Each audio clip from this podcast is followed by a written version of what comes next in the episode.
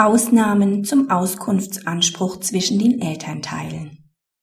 Der sich aus dem allgemeinen Rechtsgedanken des Paragraphen 242 BGB grundsätzlich ergebende Auskunftsanspruch eines auf Unterhalt in Anspruch genommenen Elternteils eines volljährigen Kindes gegen den anderen Elternteil besteht nicht in jedem Fall. Liegt die Darlegungs- und Beweislast für den Haftungsanteil am Barunterhalt des in Anspruch genommenen Elternteils beim Kind, so ist der Anspruchsteller nicht auf die Auskunft des anderen Elternteils angewiesen. Der Vater wird von seinem volljährigen Sohn auf Unterhalt verklagt. Die Klage befindet sich in der Auskunftsstufe.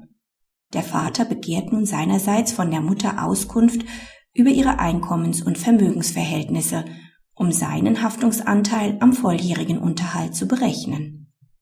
Das Amtsgericht lehnt diesen Auskunftsanspruch ab. Die hiergegen eingelegte Berufung des Vaters wird als unbegründet zurückgewiesen.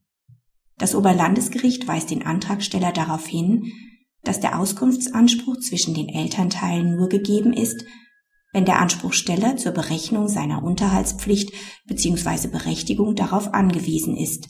Fordert der Sohn von seinem Vater anteiligen volljährigen Unterhalt, so ist der Haftungsanteil seines Vaters als anspruchsbegründende Voraussetzung von ihm selbst substanziiert vorzutragen. Der Sohn hat dabei die Einkommens- und Vermögensverhältnisse seiner Mutter darzulegen und zu beweisen. Der in Anspruch genommene Vater ist dagegen auf die Auskunft nicht angewiesen. Die Gefahr, das Kind in einen vermeidbaren Rechtsstreit mit dem zweiten Elternteil zu ziehen, besteht nicht, wenn der andere Elternteil gegenüber dem Kind auskunftswillig ist.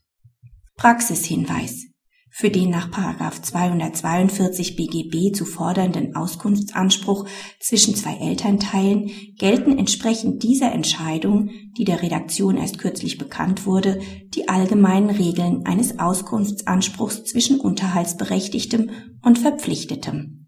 Ein Anspruch besteht nur dann, wenn die Auskunft zur Berechnung des Unterhalts erforderlich ist